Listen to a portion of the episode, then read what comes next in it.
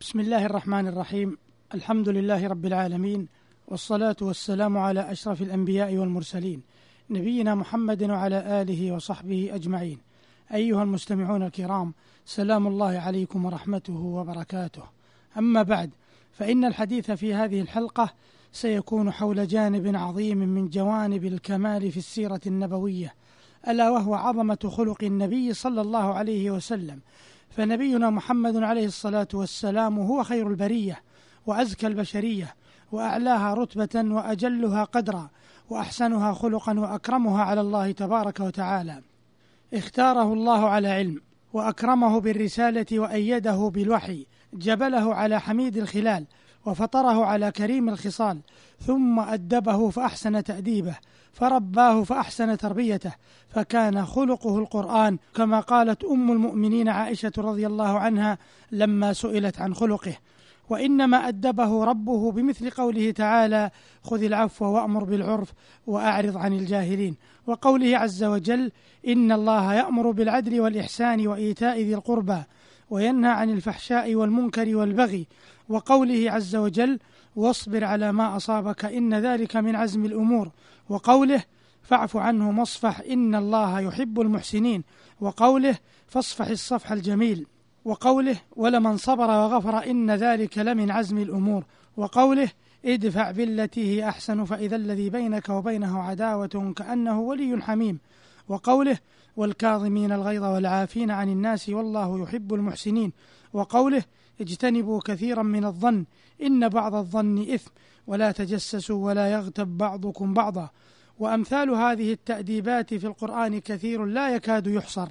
وهو عليه الصلاة والسلام هو المقصود الأول بالتأديب والتهذيب ثم منه يشرق النور على كافة الخلق فإنه أدب بالقرآن وأدب الخلق به ثم لما أكمل الله له خلقه أثنى عليه فقال تعالى وإنك لعلى خلق عظيم فسبحانه ما أعظم شأنه وأتم امتنانه انظر إلى عظيم فضله وعميم لطفه كيف أعطى ثم أثنى.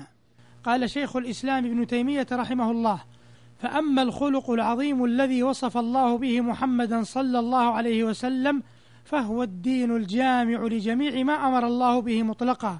هكذا قال مجاهد وغيره وهو تأويل القرآن كما قالت عائشة رضي الله عنها كان خلقه القرآن وحقيقته المبادرة إلى امتثال ما يحبه الله تعالى بطيب نفس وانشراح صدر. وقال ابن القيم رحمه الله في تفسير الآية السابقة قال ابن عباس ومجاهد لعلى دين عظيم لا دين أحب إلي منه ولا أرضى عندي منه وهو دين الإسلام وقال الحسن هو آداب القرآن وقال قتادة هو ما كان يأمر به من أمر الله وينهى عنه من نهي الله. والمعنى أنك على الخلق الذي آثرك الله به في القرآن. وقال الشيخ الطاهر بن عاشور رحمه الله والخلق العظيم هو الخلق الأكرم في نوع الأخلاق وهو البالغ أشد الكمال المحمود في طبع الإنسان لاجتماع مكارم الأخلاق في النبي صلى الله عليه وسلم. فهو حسن معاملته الناس على اختلاف الأحوال المقتضية لحسن المعاملة فالخلق العظيم أرفع من مطلق الخلق الحسن. وقال اعلم أن جماع الخلق العظيم الذي هو أعلى الخلق الحسن هو التدين ومعرفة الحقائق وحلم النفس والعدل والصبر على المتاعب والاعتراف للمحسن والتواضع والزهد والعفة والعفو والجود والحياء والشجاعة وحسن السمت والتؤدة والوقار والرحمة وحسن المعاشرة والمعاملة.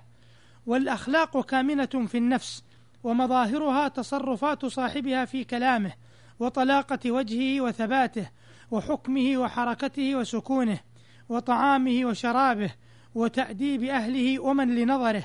وما يترتب على ذلك من حرمته عند الناس وحسن الثناء عليه والسمعة. وأما مظاهرها في رسول الله صلى الله عليه وسلم ففي ذلك كله وفي سياسته أمته وفيما خص به من فصاحة كلامه وجوامع كلمة.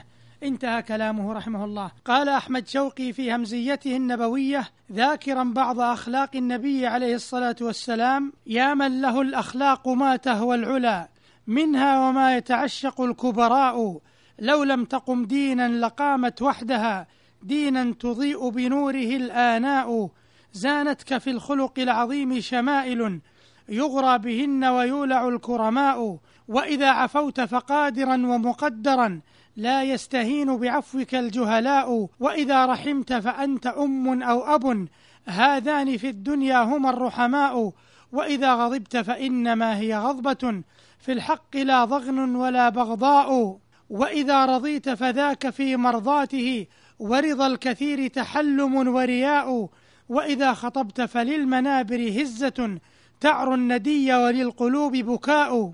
وإذا قضيت فلا ارتياب كأنما جاء الخصوم من السماء قضاء. وإذا حميت الماء لم يورد ولو أن القياصر والملوك ظماء. وإذا أجرت فأنت بيت الله لم يدخل عليه المستجير عداء. وإذا ملكت النفس قمت ببرها ولو أن ما ملكت يداك الشاء وإذا بنيت فخير زوج عشرة وإذا ابتنيت فدونك الآباء وإذا صحبت رأى الوفاء مجسما في بردك الأصحاب والخلطاء وإذا أخذت العهد أو أعطيته فجميع عهدك ذمة ووفاء وإذا مشيت إلى العدا فغضنفر وإذا جريت فإنك النكباء وتمد حلمك للسفيه مداريا حتى يضيق بعرضك السفهاء. في كل نفس من سطاك مهابة ولكل نفس في نداك رجاء. والرأي لم ينظى المهند دونه كالسيف لم تضرب به الآراء. أيها المستمعون الكرام إلى هنا ينتهي وقت هذه الحلقة التي تبين من خلالها شيء من أخلاق النبي عليه الصلاة والسلام. وللحديث صلة في الحلقة القادمة إن شاء الله تعالى. والسلام عليكم ورحمة الله وبركاته.